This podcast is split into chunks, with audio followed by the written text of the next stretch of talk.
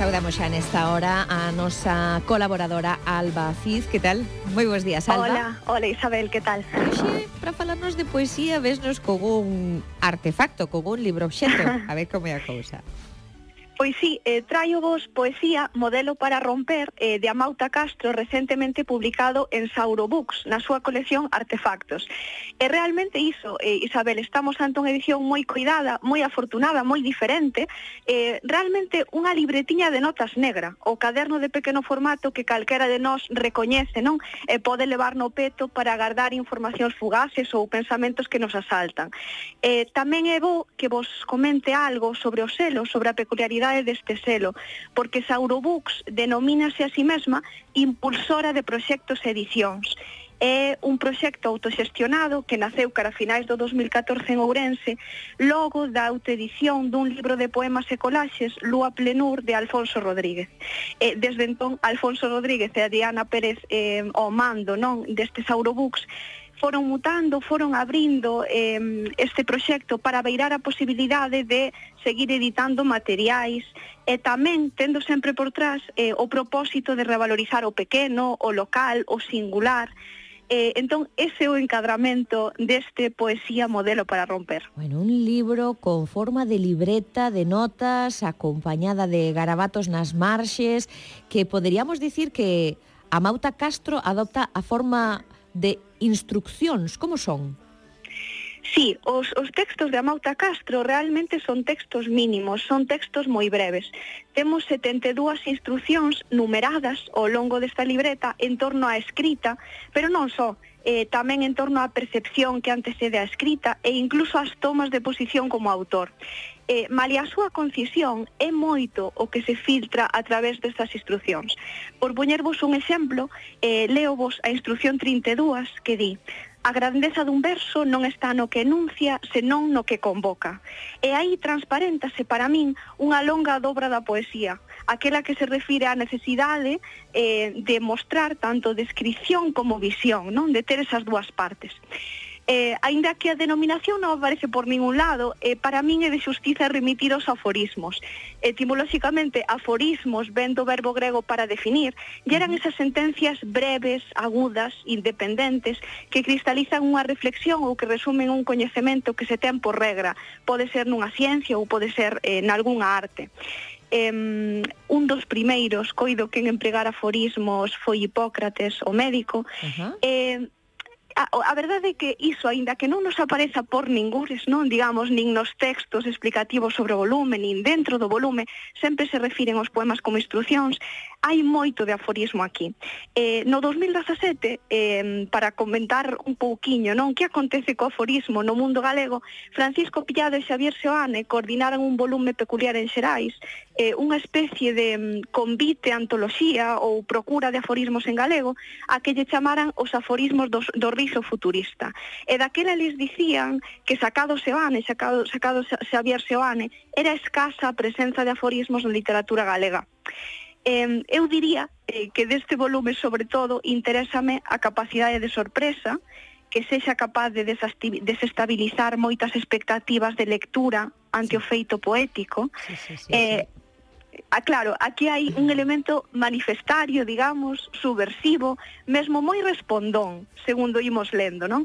E todo iso, eh, ese elemento subversivo, contestatario, parece inscrito no ADN de moitos poetas aforísticos e, por suposto, conecta moi ben con esa vocación da que falábamos Isabel, do propio proxecto Saurobooks, non? Eu, Esa vocación resistente. Eu quixera facer fincapé e subliñar o feito da sorpresa, eh? Estamos ante unha peza que hoxe comenta Alba do poeta traductor Amauta Castro con debuxos do tamén poeta e editor Alfonso Rodríguez e que se chama Poesía modelo para romper Entón, claro, isto xa, con este subtítulo, Alba, mm, dicimos, que, como? A ver, eh, eh, isto que significa? como que para romper, non? Pois sí, o, o certo é que temos todas esas instruccións das que falábamos, 72, pero intuímos tamén o reverso, non? Intuímos a súa falibilidade. Mentres que as tomas de posición parecen moi claras, leo vos algunhas, evita os itinerarios, abxura dos mestres, que nada saiban as academias de ti, É certo que todo o que se refire á creación, eh, a creación poética, instálase máis ben na abertura, na procura permanente. Entón, da mesma maneira que é se evidencia non que se encontra unha tensión, unha actitude de alerta e de, de inquedanza con respecto á propia escrita, tamén hai unha tensión con respecto a este artefacto final, non con respecto a esta libreta de instruccións. De aí que a instrucción número 51 eh, faga tremer, por así dicir, o edificio enteiro, non? E veña a ser unha liña de fuga diante da gravidade ou da autoridade mesma que o discurso instrutivo, o discurso mm, deste tipo sempre ten, cando afirma as instruccións sempre están mal escritas. Ah, bueno. Eh, claro, entón imaginade, non levamos 50, chegamos a 51 e atopamos ese aviso. Eh, é iso, non? É moi manifestario, moi subversivo, moi respondón, e tamén sospeitamos en última instancia que a mesma voz que nos di en algún momento que escribir é calcinarse, vai soster tamén que non hai instruccións que vayan, que no fondo se hai un modelo haino para romper e para comezar de novo, que a fragilidade e a procura sempre teñen que estar diante. E de logo rompen os esquemas todos moito, este, este, moito. esta proposta. Eh, por exemplo, dicíamos que é unha libreta de, de notas, pero con garabatos a marxe. Eh, daquela, como, como relacionar estes garabatos co propio texto? Alba. Claro, os garabatos son de Alfonso Rodríguez e son, sen dúbida, penso, non? Unha das formas máis subestimadas e máis ignoradas da expresión artística. Sempre con, se consideran produto dunha mente ausente, algo que facemos mentres facemos outra cousa ou mentres pensamos noutra cousa. Aínda que sí está comprobado que nos axudan a profundar ou mesmo a solucionar problemas creativamente.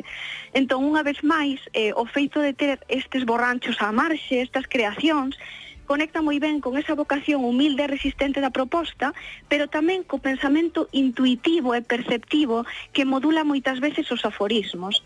Eh, os debuxos son moitas veces patróns rítmicos abstractos que aparecen sen sistematicidade ningunha e que se van relacionando de modo moi orgánico cos propios textos.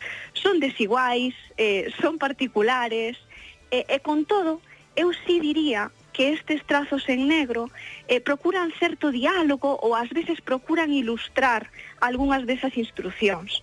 Eh, conto vos, por exemplo, o debuxo que acompaña a instrucción 13 é moi significativo a este respecto. A instrucción di, escribe para estar entre as que camiñan e as formas que atopamos no envés precedente, na, na páxina do lado, semellan un mapa intrincado, non? Ou, por exemplo, na instrucción escribe todos os días contan. Eh, o que atopamos é unha textura conseguida eh, pois, mediante unha técnica que penso que calquera de nos probou, cando menos de nenas, non? Que é eso de fretar grafito, fretar un lápiz sobre unha madeira ou fretalo sobre unha moeda, non? Entón, efectivamente, ese, es, Que interesante. Claro. Ah, bueno, eu, eu quedome con esta expresión que dixeches borranchos a marxe e digo, ah, pero se si isto tamén o fago eu aquí no guión, no propio guión do Por programa. Por suposto, sí, sí. Así moi brevemente, iso... ainda que sea nun minuto, poderíamos eh, encadrar un pouco esta obra, o millor, en máis de Amauta Castro, porque igual é unha persoa que está moi activa, creo que ten publicado ainda recentemente outra outra obra recentemente. Sí, curiosamente este libro ven a coincidir e ademais ven a sair nun momento tan peculiar. Eh, coincide no tempo con outra proposta que aparecía nos meses de maio e xuño en Urutau chamada Constante Hora de Boca e Precipicio. Eh, a da Castro seguramente por, eh, por residir fora pero non só so, parecía ou figuraba certa distancia dos circuitos galegos, cando menos de socialización literaria, pero é certo que foi quen de abrir outras vías, de abrir marxes de lectura nas redes, incluso está máis presente, diría eu, tras recibir o Premio Pérez Parallé con A Tarde o Desacogo. Así que ben, eh, un convite para, para abrir esta libreta e deixarse ir nas instruccións. Comentario de Albacis, como cada semana. Que vaya ben, Alba, ata vindeira. Ata vindeira.